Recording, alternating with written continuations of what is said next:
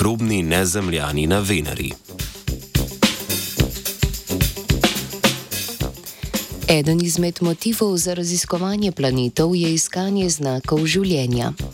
Znanstvena ekipa je pokazala, da lahko pogoje za nastanek preprostih oblik življenja najdemo tudi v atmosferi našega sestrskega planeta Venere. Svoje ugotovitve je objavila v reviji PNAS.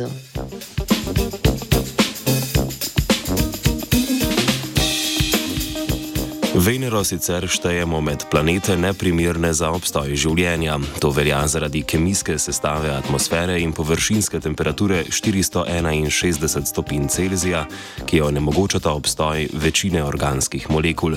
Glede nastanka življenja na Veneri obstaja več hipotez. Če so bili v daljni preteklosti na Veneri oceani, bi se v njih lahko razvili organizmi in se skozi milijone let med izhlapevanjem oceanov prilagodili na žvepleno okolje okolje. Če na površju Venere nikoli ni bilo tekoče vode, pa obstaja možnost, da so se organizmi razvili v vodnih kapljicah venerinih oblakov in tam obstajajo še danes.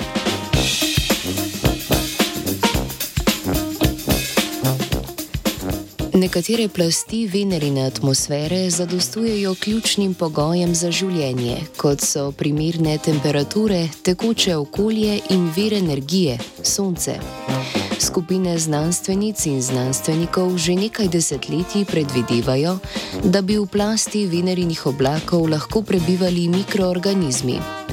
Težava, ki bi lahko preprečila življenje v venerinih oblakih, je le, da so sestavljeni iz 85 odstotkov žveplove kisline in zgolj 15 odstotkov vode.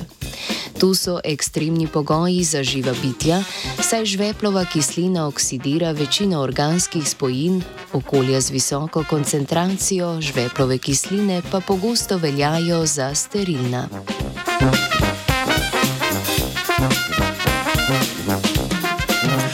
V študiji so znanstveniki želeli ugotoviti, ali so v okolju z visoko koncentracijo žveplove kisline lahko stabilne dušikove baze, ki sestavljajo DNK in RNK.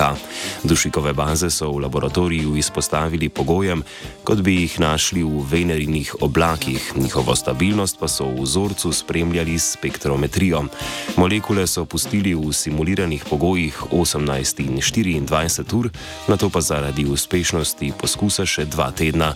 Vse testirane dušikove baze so ostale stabilne tudi v koncentracijah od 81 do 98 odstotkov žveplove kisline in temperaturah od 18 do 21 stopinj Celzija.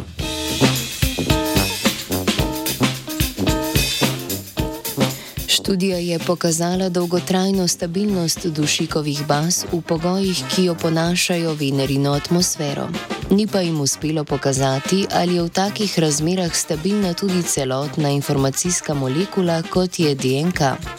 Za nadaljne raziskovanje želi skupina znanstvenikov leta 2025 v okviru programa Morning Star Missions to Venus na Venero poslati sondo, ki bo v oblakih zaznavala prisotnost organskih molekul.